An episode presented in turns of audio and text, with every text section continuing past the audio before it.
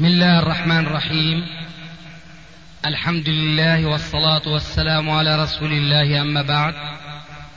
فهذا أحد أشرطة سلسلة الهدى والنور من الدروس العلمية والفتاوى الشرعية لشيخنا المحدث العلامة محمد ناصر الدين الألباني حفظه الله ونفع به الجميع قام بتسجيلها والتأليف بينها محمد بن أحمد أبو ليلى الأثري. إخوة الإيمان والآن مع الشريط العشرين بعد المئة السادسة على واحد. ما عندكم؟ الحمد لله والصلاة والسلام على رسول الله. أولا يسر رابطة أهل السنة والجماعة في أستراليا آه، أن تلتقي بفضيلة الشيخ ناصر الدين الألباني حفظه الله. وعندنا بعض الأسئلة. تفضل. أولا فضيلة الشيخ كيف نفهم الدعوة السلفية كدعاة؟ نعم.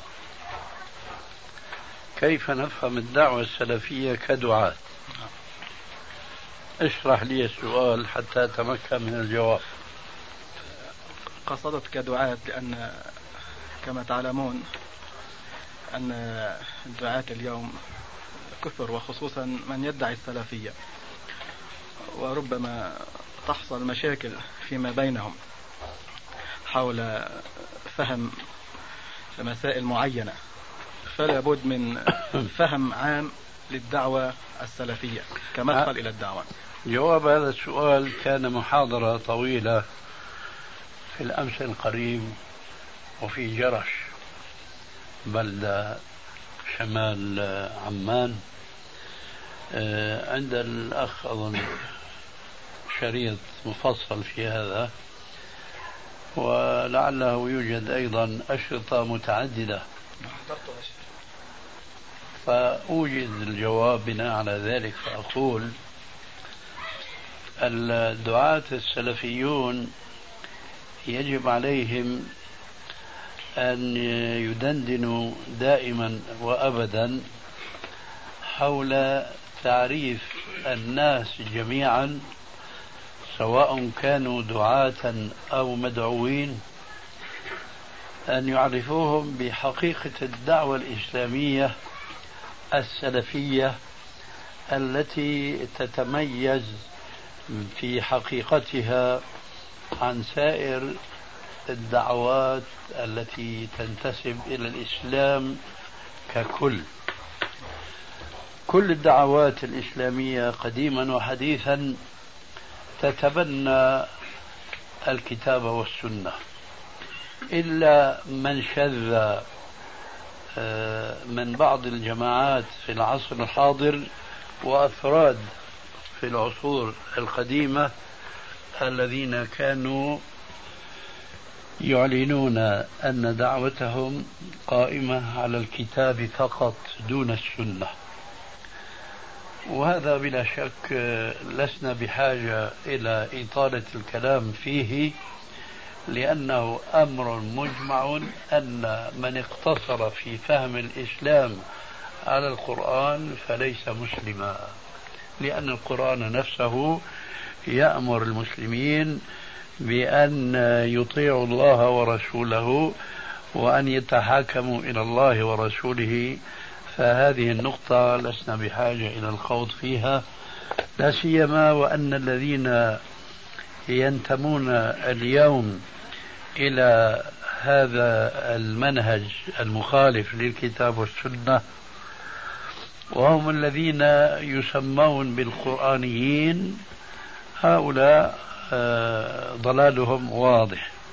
ولكن كل الجماعات الأخرى التي آه، تلتقي معنا في كونها في دائرة الإسلام وتتبنى معنا الكتاب والسنة فيجب على الدعاة السلفيين بخاصة أن يبينوا لهؤلاء أن الدعوة السلفية تتميز على سائر الدعوات بأنها تفهم الكتاب والسنة على ما كان عليه سلفنا الصالح من الصحابة والتابعين وأتباعهم. كما جاء في الحديث المتواتر عن النبي صلى الله عليه وآله وسلم القائل خير الناس قرني ثم الذين يلونهم ثم الذين يلونهم.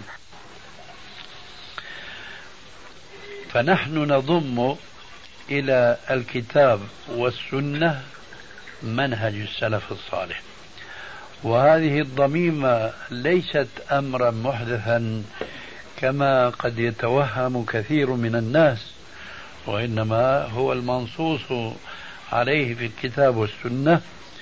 أما الكتاب فقوله تعالى ومن يشاقق الرسول من بعد ما تبين له الهدى ويتبع غير سبيل المؤمنين ويتبع غير سبيل المؤمنين. نوله ما تولى ونصله جهنم وساءت مصيرا. وأما السنة فهناك حديثان مشهوران. أحدهما حديث الفرقة الناجية وهو معروف ولا حاجة لسوقه بلفظه. وإنما نسوق منه ما هو موضع الشاهد وهو قول عليه السلام حينما سئل عن الفرقة الناجية فأجاب صلى الله عليه وآله وسلم بقوله هي التي على ما أنا عليه وأصحابه. والحديث الآخر حديث الخلفاء الراشدين وهو قول عليه السلام في حديث الإرباط بن سارية فعليكم بسنتي وسنة الخلفاء الراشدين المهديين من بعدي إلى آخره. ففي هذا الحديث بيان سبيل المؤمنين الذي ذكر في الآية السابقة.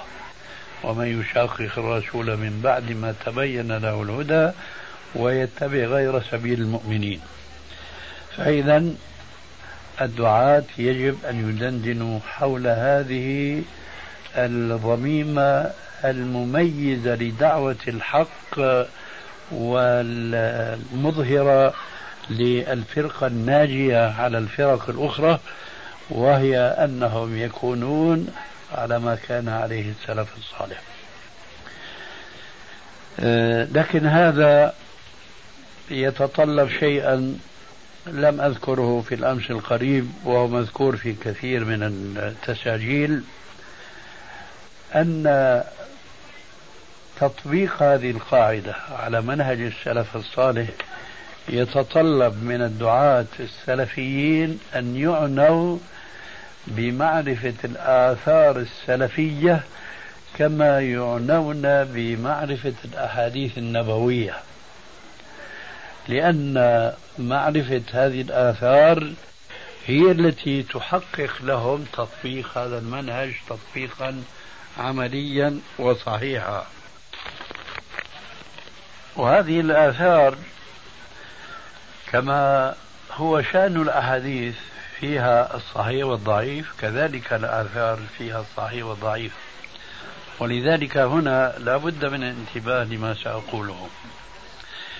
إن كثيرا من كتب العلماء كالفتح مثلا فتح الباري للحافظ بن حجر العسقلاني ومن جاء من بعده حينما يحتجون ببعض الآثار لا يدققون النظر في أسانيدها.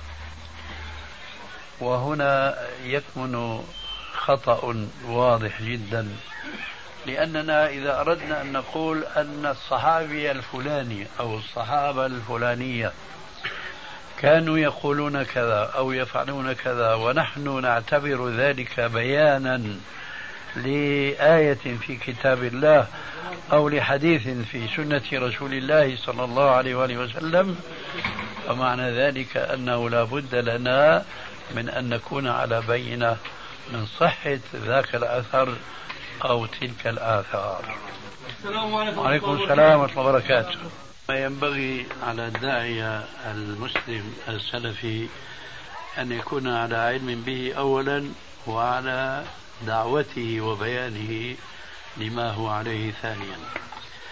ثم إن الدعوة السلفية تتميز ليس بمجرد الدعوة وإنما عمليا أنها تسعى لفهم الإسلام فهما صحيحا من كل جوانبه ليس من بعض النواحي التي يهتم بها بعض الجماعات دون نواحي أخرى ويسمون الأمور الأولى بالأولويات.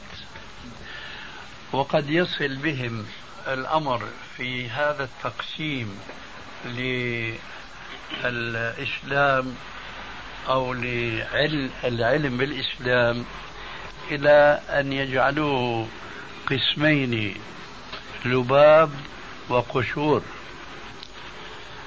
فيهتمون في زعمهم والواقع أنهم لا يهتمون حتى بهذا القسم الذي سموه بالذباب يهتمون به دون أن يهتموا بالقسم الآخر.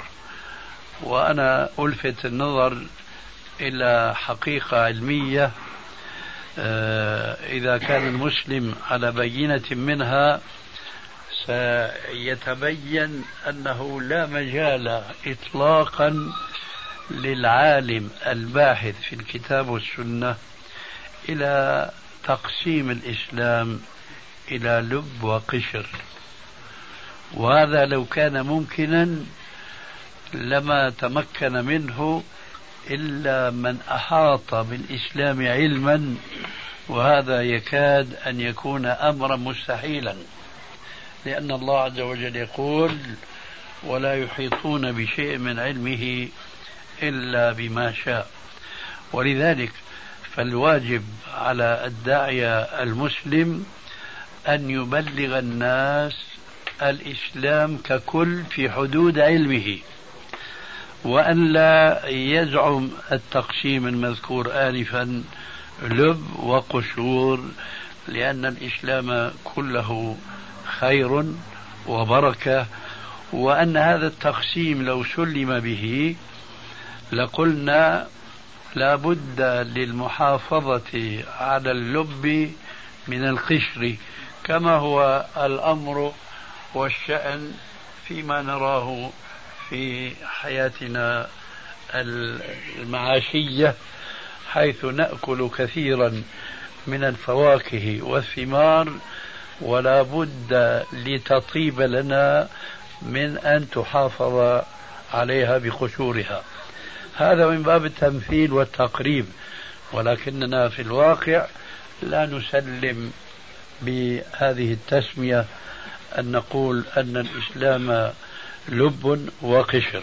لكننا نقول هناك ما لابد من معرفته أولا ثم لابد من العمل به ثانيا وهناك أشياء أخرى لا بد من معرفتها علما بالنسبة لطائفة من الناس هم أهل العلم وهذا ما يسمى عند العلماء بالفرض الكفائي.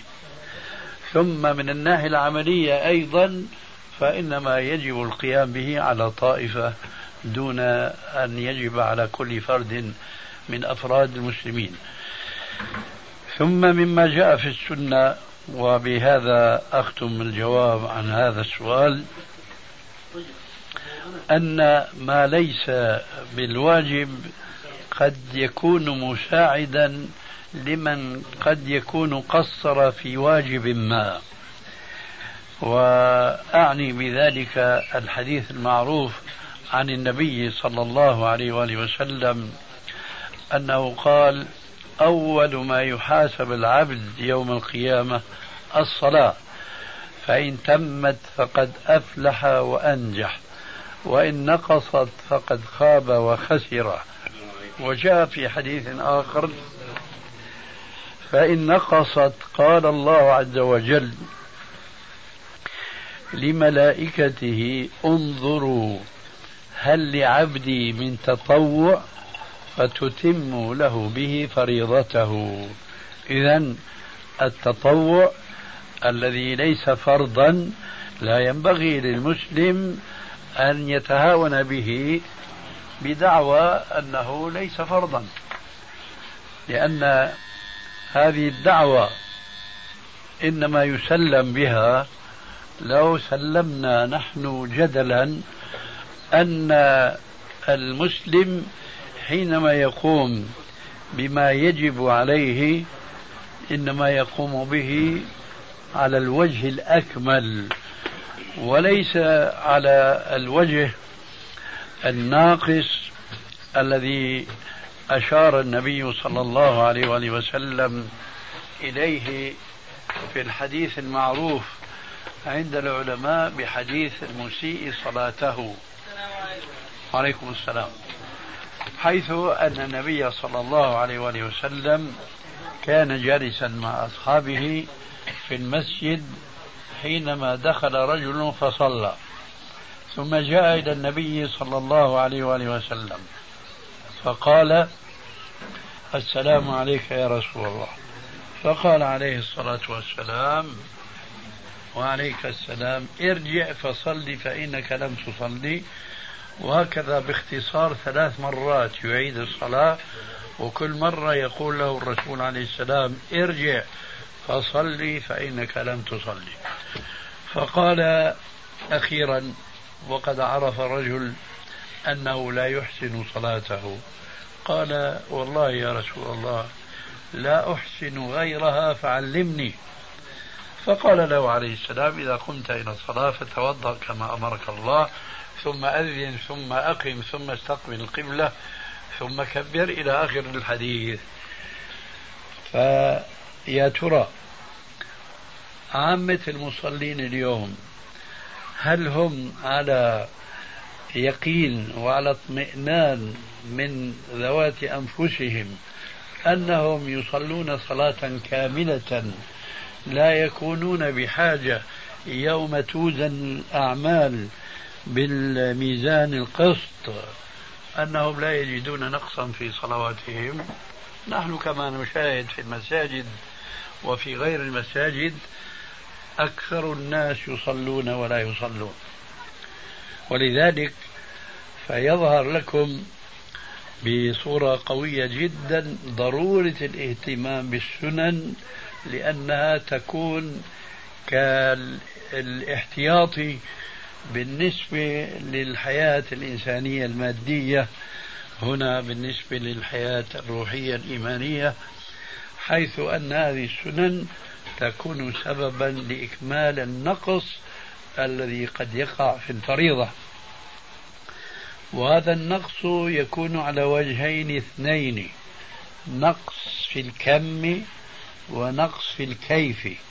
أي قد تفوت الرجل صلاة من الصلوات بغير عذر شرعي. فيكون ليس فقط أثم بل وضيع عليه أجرا كبيرا. هذا هو النقص الأول النقص في الكم. والنقص الآخر في الكيف هو الذي دلكم عليه حديث المسيء صلاته. فهو يصلي ولكن ينقص من أركانها فضلا عن هيئتها. فيأتي هذا الحديث وهو قوله عليه السلام فيما حكاه عن ربه تبارك وتعالى أنه يقول لملائكته انظروا هل لعبدي من تطوع أتتم له بي فريضته؟ أي سواء كان نقصا في الكم أو كان نقصا في الكيف.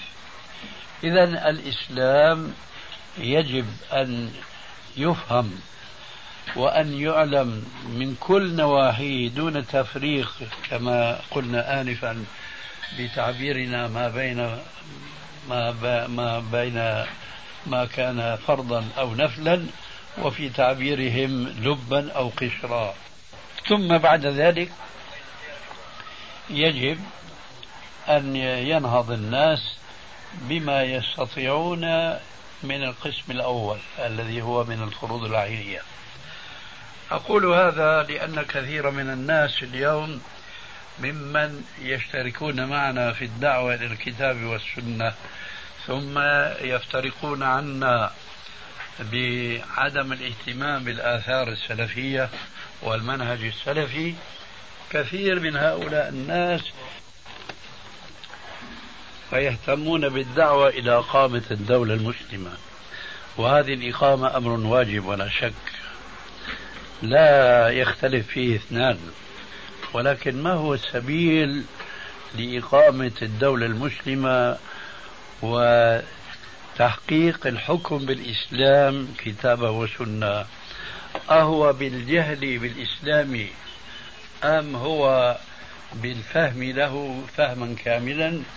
ثم الدعوة إلى العمل به كما بدأ به الرسول عليه الصلاة والسلام حيث بدأ بتعليم الناس التوحيد العقيدة الصحيحة.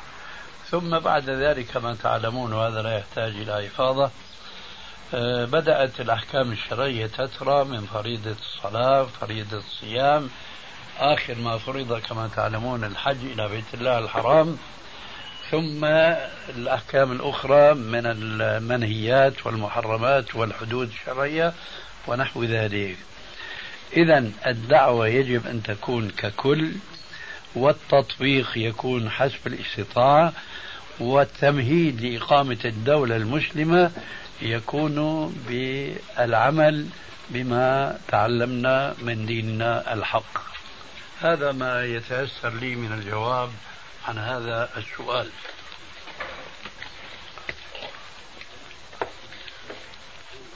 السؤال الثاني ما هي المواضيع أو الأولويات التي يجب أن يهتم بها ويقدمها طالب العلم عن غيرها؟ وما هي الطريقة المثلى في الدعوة إلى الله تعالى؟ أظن بعض بعض هذا السؤال سبق لكن لعله يبدو شيء آخر في الإجابة عن هذا السؤال. فأنا أقول بأن المسلم يجب أن يهتم بما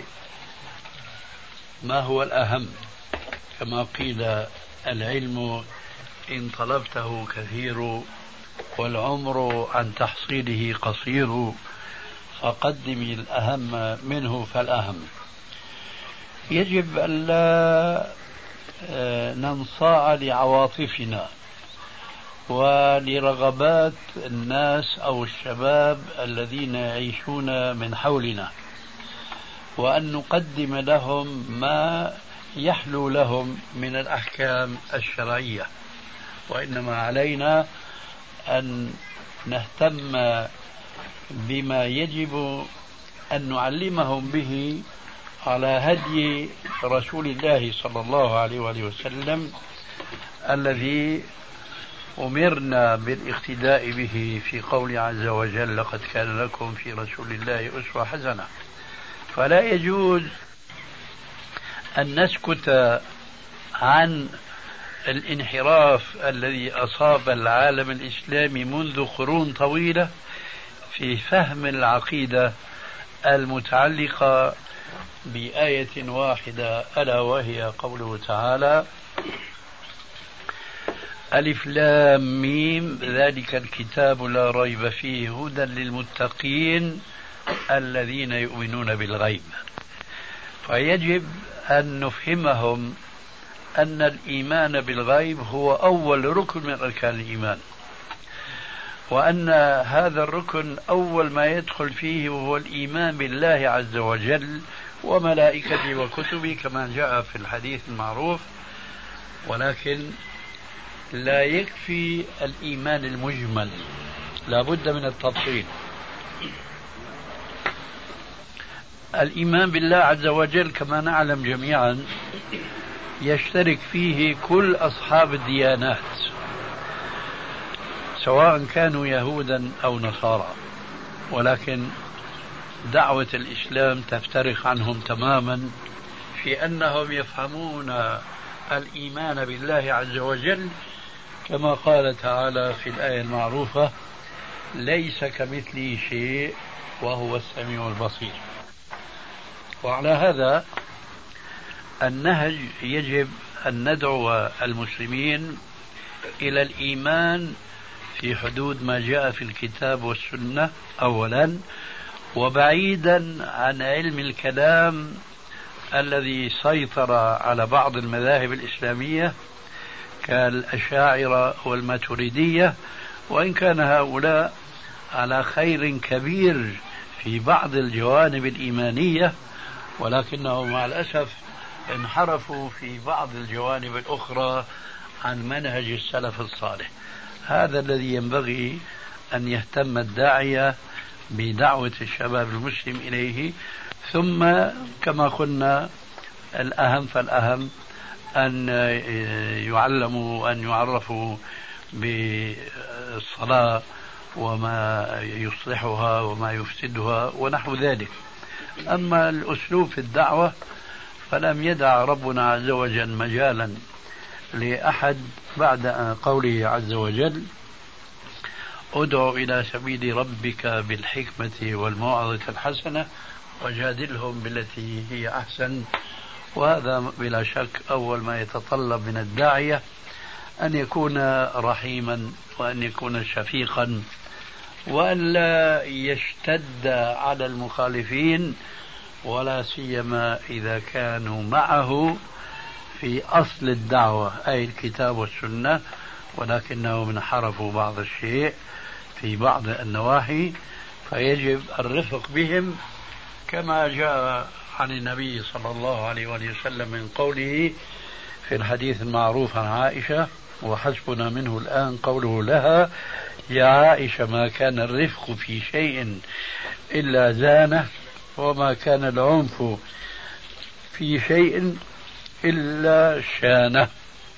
لكني أريد أن أذكر هنا بشيء آه، يغفل عنه كثير من الناس. وأعني بهم بعض الدعاة. إن الرفق ولو أنه هو الأصل في الدعوة ولكن ذلك لا يعني أنه لا ينبغي للداعية أن يستعمل الشدة أحيانا آه، يضعها في موضعها المناسب لها فإن النبي صلى الله عليه وآله وسلم الذي خطب بقوله تبارك وتعالى ولو كنت فظا غليظ القلب لانفضوا من حولك مع ذلك نجد أن النبي صلى الله عليه وآله وسلم كان في بعض الأحيان يشتد على بعض المخالفين ولو أن هؤلاء المخالفين ما كانوا يتعمدون الخطأ ولكن لما كان الخطأ يتعلق بأمر هام بما يتعلق بالإيمان وبخاصة برب الأنام كان عليه الصلاة والسلام يستعمل شيء من الشدة. كلكم يعلم آه، ما رواه الإمام أحمد في المسند بالسند الصحيح عن عبد الله بن عباس رضي الله تعالى عنهما أن النبي صلى الله عليه وآله وسلم خطب يوما في الصحابة فقام رجل ليقول له ما شاء الله وشئت يا رسول الله. فقال له عليه السلام أجعلتني لله ندا؟ قل ما شاء الله وحده. هذه الشدة إذا وضعت في مكانها فهو من الحكمة. ولذلك فلا ينبغي أن نغتر وأن نقول أن اللين دائما يجب أن ينبغي أن يكون سمة المسلم وصفته. لا هذه هي الصفة الغالبة. لكن أحيانا لابد من وضع الشدة في مكانها المناسب. عليكم السلام. وأخيرا آتي بمثال من أحاديث الرسول عليه السلام وهو قوله من تعزى بعزى الجاهلية فأعضوه بهني أبيه فأعضوه بهني أبيه. هذا تعبير قد لا يستسيغه كثير من الناس ولكن من كان يؤمن بالله ورسوله حقا وعرف أن هذا الحديث نطق به الرسول صلى الله عليه وسلم حينئذ سيكون هذا الحديث من جملة الأدلة أن الشدة أحيانا في محلها هي فأعضوه بهني أبيه. هذا تعبير قد لا يستسيغه كثير من الناس ولكن من كان يؤمن بالله ورسوله حقا وعرف أن هذا الحديث نطق به الرسول صلى الله عليه وسلم حينئذ سيكون هذا الحديث من جملة الأدلة أن الشدة أحيانا في محلها هي عين الحكمة. ما معنى الحديث؟ من تعزى بعزى الجاهلية فعضوه بهني أبيه. أي من تفاخر بآبائه في الجاهلية الذين كانوا في الشرك وماتوا في الشرك فهذا قول له تعض كذا. تعض كذا يعني العضو. هذا هو الهن المكني عنه بهذه العبارة اللطيفة في حديث الرسول. لكنه يقول لنا أعضوه بهني أبيه. هذا شدة بلا شك ولكنها هي الحكمة. هذا الذي أردت أيضا أن ألحقه بهذا السؤال. هل هناك شيء آخر؟ نعم في سؤال تفضل. آه، يوجد في إستراليا جمعيات إسلامية كثيرة وغير إسلامية بمعنى اسمها غير إسلامي إنما تسمى باسم المدينة مثلا جمعية طرابلس جمعية بيروت وما شابه ذلك أو القرية التي ينتسبون إليها. ولكن القائمين عليها من أهل السنة تقليدا للآباء والأجداد. وأكثرهم يغلب عليه الجهل أو البدع أو التعصب إلى مدينته أو قريته. فما هي النصيحة التي توجهوها لنا في التعامل معهم؟ وأظن هنا في هذا السؤال عندي شيء جديد نقدمه بعد أن سبق يعني الكلام السابق في الجواب عن السؤالين المذكورين. ما دام أن هؤلاء يعني جهلة فيجب أن يعلموا وأن يتلطف في أمرهم وفي تعليمهم. ولا شك أن انتساب هذه الجمعيات إلى كل إلى بلده أو إقليمه هذا أشبه ما يكون بدعوى الجاهلية. فينبغي أن تكون هذه الأسماء لهذه الجمعيات تعبر عن شخصية الجمعية من حيث هدفها ومن حيث آه، دينها ومنهجها ومخططها ونحو ذلك. أما الانتماء إلى بلد فحين ذاك لا فرق بين من ينتمي إليه من مسلم أو من كافر. لذلك نحن نقول أنه يجب أن يكون عنوان المسلم دائما معبرا عن منهجه. وفي الأمس القريب أيضا تطرقنا لموضوع أعتقد أنه مهم بالنسبة لوضعنا الحاضر الآن من حيث أنه ينبغي على كل مسلم أن يكشف عن هويته وذلك بأن يدعو إليها تارة إجمالا وتارة تفصيلا والتفصيل يحتاج إلى شيء من العلم أما الإجمال فما يحتاج إلى كثير من العلم. قلنا في الأمس القريب ونكرر هذا دائما وأبدا إذا سئل أحدنا اليوم ما مذهبك؟ فالذي أعرفه بالتجربة من كثير من الذين ينتمون معنا إلى الكتاب والسنة ولا يتعصبون لمذهب معين من المذاهب الإسلامية سواء ما كان منها متعلقا بالعقائد أو بالأحكام. يكون الجواب ما مذهبك مسلم فقط. فأنا أرى أن هذا الجواب قاصر. أشبه ما يكون بتلك الأسماء التي تنتسب الجمعيات التي تنتسب إلى بلد أو إقليم أو شخص أو نحو ذلك أو جماعة. لماذا لا يكفي؟ لأننا نعيش الآن في خضم جماعات إسلامية كثيرة وكثيرة جدا وكلهم يقولون نحن مسلمون على الكتاب والسنة.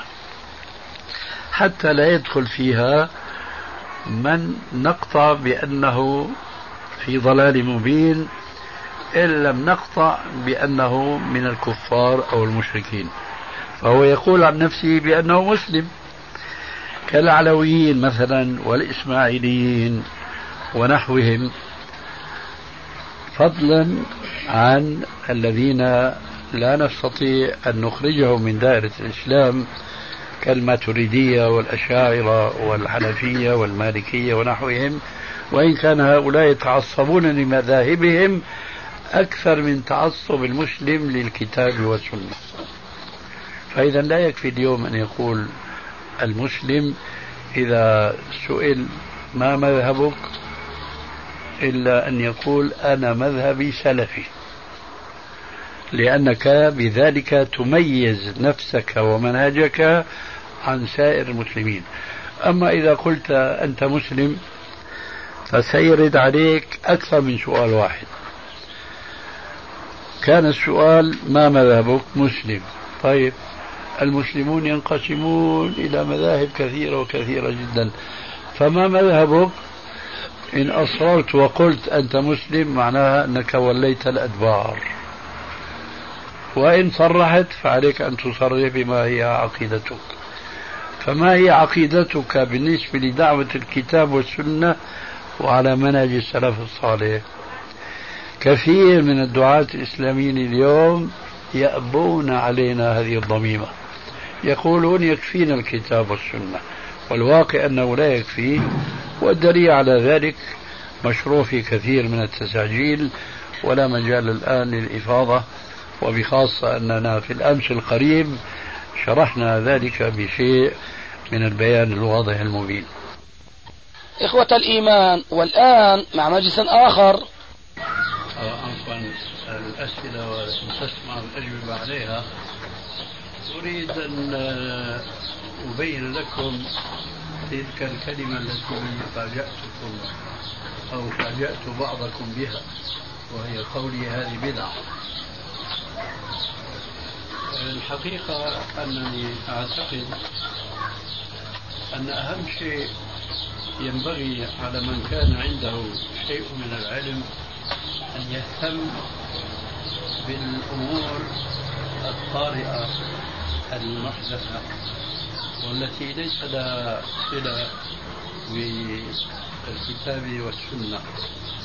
فمعالجة هذه الأمور الطارئة التي تمشي بين الناس ولا أحد ينبه على حدوثها وعلى بدعيتها.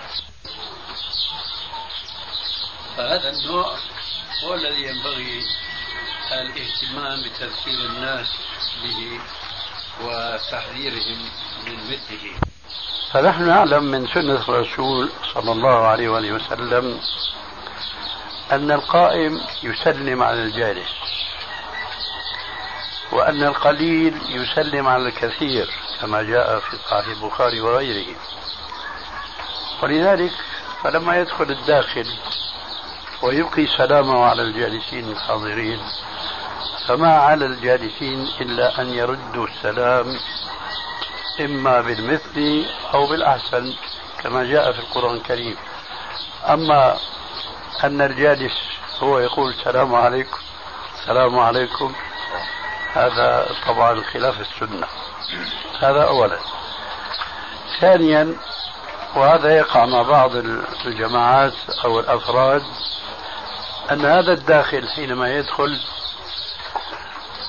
ويريد أن يتمم السنة بالمصافحة فهو بدوره يسلم ويسلف كل من يصافحه سلاما. السلام عليكم السلام عليكم. أصبح هذا السلام شعارا لبعض الجماعات الإسلامية اليوم وهذا بسبب بعدهم عن السنة. فأحببت أن أذكر بهذه البدعة وتلك والذكرى تنفع المؤمنين. الحمد لله والصلاة والسلام على نبينا محمد رسول الله وعلى آله نعم.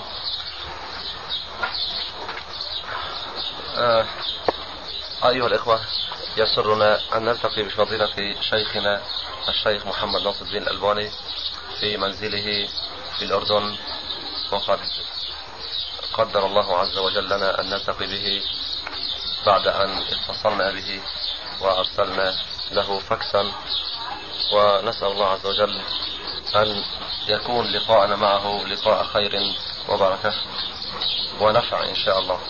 ففضيلة الشيخ عندنا بعض أسئلة بعضها يتعلق بأمور عامة وبعضها بأمور نسائية. قد وكلنا أن نسألهم إياها. السؤال الأول أفتى فضيلة الشيخ أفتى بعض المشايخ العصريين أثناء زيارته لأستراليا بأن المال المتجمع من الربا حرام على صاحب المال حلال لغيره لا سيما المحتاجين. فما مدى صحة هذا القول في الشرع؟ الحمد لله والصلاة والسلام على رسول الله وعلى من اتبعه بهداه. أما بعد كنت أود أن يقال لهذا المفتي إن لم يقل له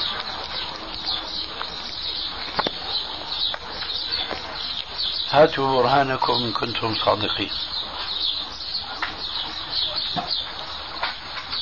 ذلك لأن هذه الفتوى تتعارض مع بعض النصوص العامة التي تعتبر من الأصول والقواعد الإسلامية فضلا عن بعض النصوص الخاصة التي تعتبر آه، فروعا مفصلة لتلك القاعدة.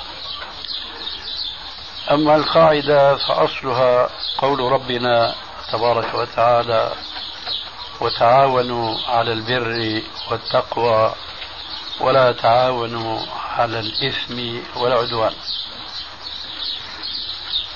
أما النصوص الخاصة والتي على مثلها قامت تلك القاعدة.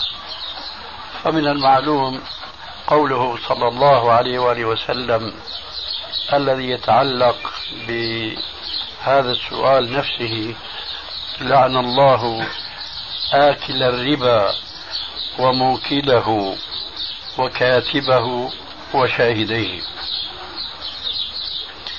ومن ذلك قوله عليه السلام في الخمر لعن الله في الخمرة عشرة. ابتدأ بساقيها ثم كمل الرقم بالذين يتعاونون مع الساقي بتحضير هذا الشراب المحرم له. بمثل العصر والبيع والشراء والحمل ونحو ذلك مما هو منصوص عليه في الحديث. فإذا قيل بذلك القول الذي سمعته لأول مرة آنفا أن الربا والذي يسمونه اليوم بغير اسمه فائدة هي حرام على على من الحرام قلت؟ على صاحب المال. على صاحب المال. وحلال على أو لغيره. فنقول ما بني على فاسد فهو فاسد. لأن القول بهذا الرأي الهزيل يعني أنه يجوز للمسلم أن يودع ماله في البنك وبالتالي أن يأخذ الربا ويطعمها غيره. وحينئذ انصبت اللعنة عليه من الناحيتين. من الناحية الأولى أنه أطعم البنك ومن الناحية الأخرى استفاد الربا وأطعمها غيره. فهو إذا صح التعبير ألعن مما لو أكله بنفسه. لأن الحديث حين ذاك ينصب على الآكل والموكل. الموكل لمن؟ للبنك أو أهل البنك. أما هنا فصار الإيكال إذا صح التعبير له شعبتان وله جانبان. فلذلك الواقع الذي نشعر به مع الأسف في كثير من الفتاوى التي تصدر في العصر الحاضر إنما هي فتاوى. إما أن تكون صادرة بحسن نية ولكنها صدرت من من ليس من أهل العلم. من أولئك الذين أخبرنا رسول الله صلى الله عليه وآله وسلم عن أمثالهم حينما قال عليه الصلاة والسلام كما في حديث عبد الله بن عمرو بن العاص من رواية الشيخين البخاري ومسلم رضي الله عنهما. قال قال رسول الله صلى الله عليه وآله وسلم إن الله لا ينتزع العلم انتزاعا من صدور العلماء وإنما يقبض العلم بقبض العلماء حتى إذا لم يبق عالما اتخذ الناس رؤوسا جهالا فسئلوا فأفتوا بغير علم فضلوا أضلوا. هذا إذا كان بحسن قصد ولكن من الممكن أن يكون هناك أناس يفتون بقصد التضليل وإخراج المسلمين عن الصراط المستقيم الذي خطه لهم نبينا صلى الله عليه وسلم بما جاء من البيان والشرح لنصوص الكتاب والسنة. فالآية التي أشرنا إليها آنفا كقاعدة من قواعد التعامل مع الآخرين وهي قوله عز وجل وتعاونوا على البر والتقوى ولا تعاونوا على الإثم والعدوان يدل على أن هذا الذي أفتى بهذه الفتوى لا يعبأ بالأحاديث التي تفصل مثل هذه الآية وتفرع عنها فروعا المسلمون أحوج ما يكونون إليها في كل زمان وفي كل مكان. وبخاصة في زمان الغربة الذي نحن نعيشه في هذه الأيام. فلذلك فالقول بإباحة الربا لغير صاحب المال كما جاء في السؤال هذا يتنافى مع الأصول والفروع معها. الذي آه، نراه والعلم عند الله تبارك وتعالى هو أن الذي ابتلي بأن يتعامل مع بعض البنوك ثم تاب إلى الله عز وجل وأناب في هذه الحالة هو بين أمرين اثنين إما أن يدع الربا لأهل الربا لأصحاب البنك وإما أن يأخذه دون أن ينتفع هو به. ثم دون أن ينتفع به شخص بعينه. هنا يبدأ الجواب الفقهي خلافا لذلك القول بناء على ما بينا من أدلة. ذلك لأن النبي صلى الله عليه وآله وسلم قال كما في حديث مسلم في صحيحه عن أبي هريرة رضي الله تعالى عنه قال قال رسول الله صلى الله عليه وآله وسلم إن الله طيب ولا يقبل إلا طيبا وإن الله أمر المؤمنين بما أمر به المرسلين فقال يا أيها الرسل كلوا من الطيبات واعملوا صالحا. لذلك فهذا الذي راب ثم تاب إلى الله تبارك وتعالى وأعطي له مع رأس ماله الربا فلا يجوز له أن يستفيد بالربا.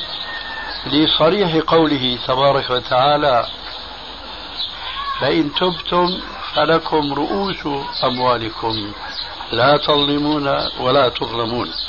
فهذه الآية صريحة كل الصراحة بأن المرابي إذا تاب إلى الله عز وجل فإنما يحل له أن يسترجع رأس ماله دون ما ترتب عليه من ربا يسمونه فوائد. فإن تبتم فلكم رؤوس أموالكم. إذا كان الأمر كذلك فقلنا إما أن يستلم من البنك رأس المال ورباه وإما أن يدع الربا للبنك. في كل من الأمرين محظور. ألا إن تركه للبنك استفاد منه البنك. وإن أخذه هو معنى ذلك أنه أخذ ربا ولكن إذا قلنا بأنه لا يجوز أن يستفيد هو لذات نفسه لما سبق أن ذكرنا من الأدلة يبقى الأمر إما أن يفيد غيره بهذا المال كما جاء بالنسبة لذلك المفتي وإما أن يفيد مشروعا لا تعود فائدته إلى شخص بعينه. لا بد من أحد أمرين. إما أن يفيد بهذه بهذا الربا شخصا بذاته وإما أن يصرفه فيما يسمى بلغة الفقهاء بالمرافق العامة. المرافق العامة معروف لدى أهل العلم أنه أو أنها تعني كل مشروع يعود فائدته إلى مجموعة المسلمين ولا وليس إلى فرد من أفرادهم. مثل مثلا آه، جد ماء كسبيل في مكان ليس فيه ماء أو تعبيد طريق أو اتخاذ جسر على نهر أو ما شابه ذلك. لولا أن وعليكم السلام ورحمة الله وبركاته لولا أن الأمر الأول وهو ترك الربا لأهل البنك كان قوة لهم لكان الأولى أن يأخذ رأس ماله كما قال الله عز وجل. ولكن هناك قاعدة فقهية مهمة يجب على كل طالب علم أن يكون دائما على ذكر منها ألا وهي إذا وقع المسلم بين مفسدتين ولا بد له من إحداهما. فهو في هذه الحالة يختار المفسدة الصغرى على المفسدة الكبرى. من باب دفع الشر الأكبر بالشر الأصغر. الشر الأكبر هنا أن يترك الربا لأهل الربا للبنك. الشر الأصغر أن يصرف هذا المال في المرافق العامة حيث لا يستفيد منه شخص بعينه كما قال ذلك المشار إليه في السؤال. بهذا يمكن الرد على إبطال قول ذلك المفتي ويبقى معالجة هذا الربا بأحد الطريقين إما أن يترك للبنك وإما أن يصرف في المرافق العامة وهذا شره أقل من شر الأمر الأول. أما أن يضع المسلم ماله في البنك ثم يزعم أن هذا الربا في الوقت الذي يحرم عليه يفيد به غيره من المسلمين فهذا نقد للآية السابقة ولما تفرع, تفرع منها من أحاديث ذكرنا آنفا بعضها. ولا تعاونوا على الإثم والعدوان. لأن هذا المرابي إذا أودع ماله في البنك وأخذ الربا وأطعمه لفقير فإنما هو طعام خبيث. وقد سمعتم آنفا قوله عليه السلام إن الله طيب ولا يقبل إلا طيبا إلى آخره. هذا جواب السؤال الأول. جزاكم الله خيرا. وهل من المرافق العامة فضيلة الشيخ بناء المساجد؟ لا. إيه، ولقيت قبولا من في أوساط الجالية بقوله. آه. إما أن نأكله فهذا حرام. وإما أن ندعه البنك فهذا حرام. وإما أن نحرقه فهذا حرام.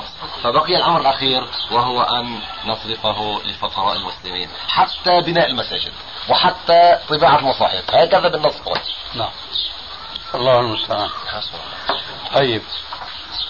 هل يمكن معرفة الشخص ولا هذه غيبة؟ نعم يمكن معرفته. وهو الشيخ يوسف القرضاوي. الله المستعان. وشريط الفيديو موجود. الله أكبر ولا حول ولا قوة إلا بالله. في ظني أن من يفتي بأخذ الربا وإعطائه لفقير من فقراء المسلمين يجيز إيداع المال في البنك. لأنه لو قال كما ينبغي أن يقول به كل فقيه مسلم حقا إن هذا الذي ابتلي شطرا من حياته بأن يودع ماله في البنك الربوي ثم تاب وناب إلى الله عز وجل. فأخذ رأس المال ورباه. فأعطى هذا الربا لفقير أو لفقراء. كان الأمر أيسر وأقل ضررا. لكني أستشم من هذه الفتوى آه الإبقاء على التعامل مع البنك في سبيل نفع الفقراء بهذا الربا الذي يحصل من ذلك المال. حينئذ هذا يتناقض مع كل النصوص السابقة. والآن لا بد لي من أن أذكر حديثا وهو قوله عليه الصلاة والسلام درهم ربا يأكله الرجل أشد عند الله من ست وثلاثين زنية من ست وثلاثين زنية. فكيف يجوز لمسلم يؤمن بالله ورسوله حقا أن يقر التعامل مع الربا لكن على طريقة اللف والدوران. أنا رجل طيب. أنا لا أكل حراما لكني أطعم الحرام. هذا ما يقوله مسلم أبدا. ولذلك فيجب آه، استئصال شأفة الشر جذريا وذلك بأن يقال لكل مسلم لا تتعامل مع البنوك الربوية وقولي ربوية ليست صفة كاشفة وإنما هي لبيان الواقع أقول هذا خشية أن يتبادر إلى بعض الأذهان أن هناك بنوك غير ربوية. لا كلها ربوية. ولكن قد يكون من باب حنانيك بعض الشر أهون من بعض. واحد مثلا من البنوك بيأخذ بالمية خمسة آخر بيأخذ بالمية عشرة وقد يكون الأول لا يضع اللافتة الإسلامية أن يأخذ الربا أقل من الآخر والآخر قد وضع اللافتة الإسلامية. إخوة الإيمان تتمة الكلام في الشريط التالي. طيب وقد يكون الأول لا يضع اللافتة الإسلامية أن يأخذ الربا أقل من الآخر والآخر قد وضع اللافتة الإسلامية لكنه يأكل الربا أكثر من غيره.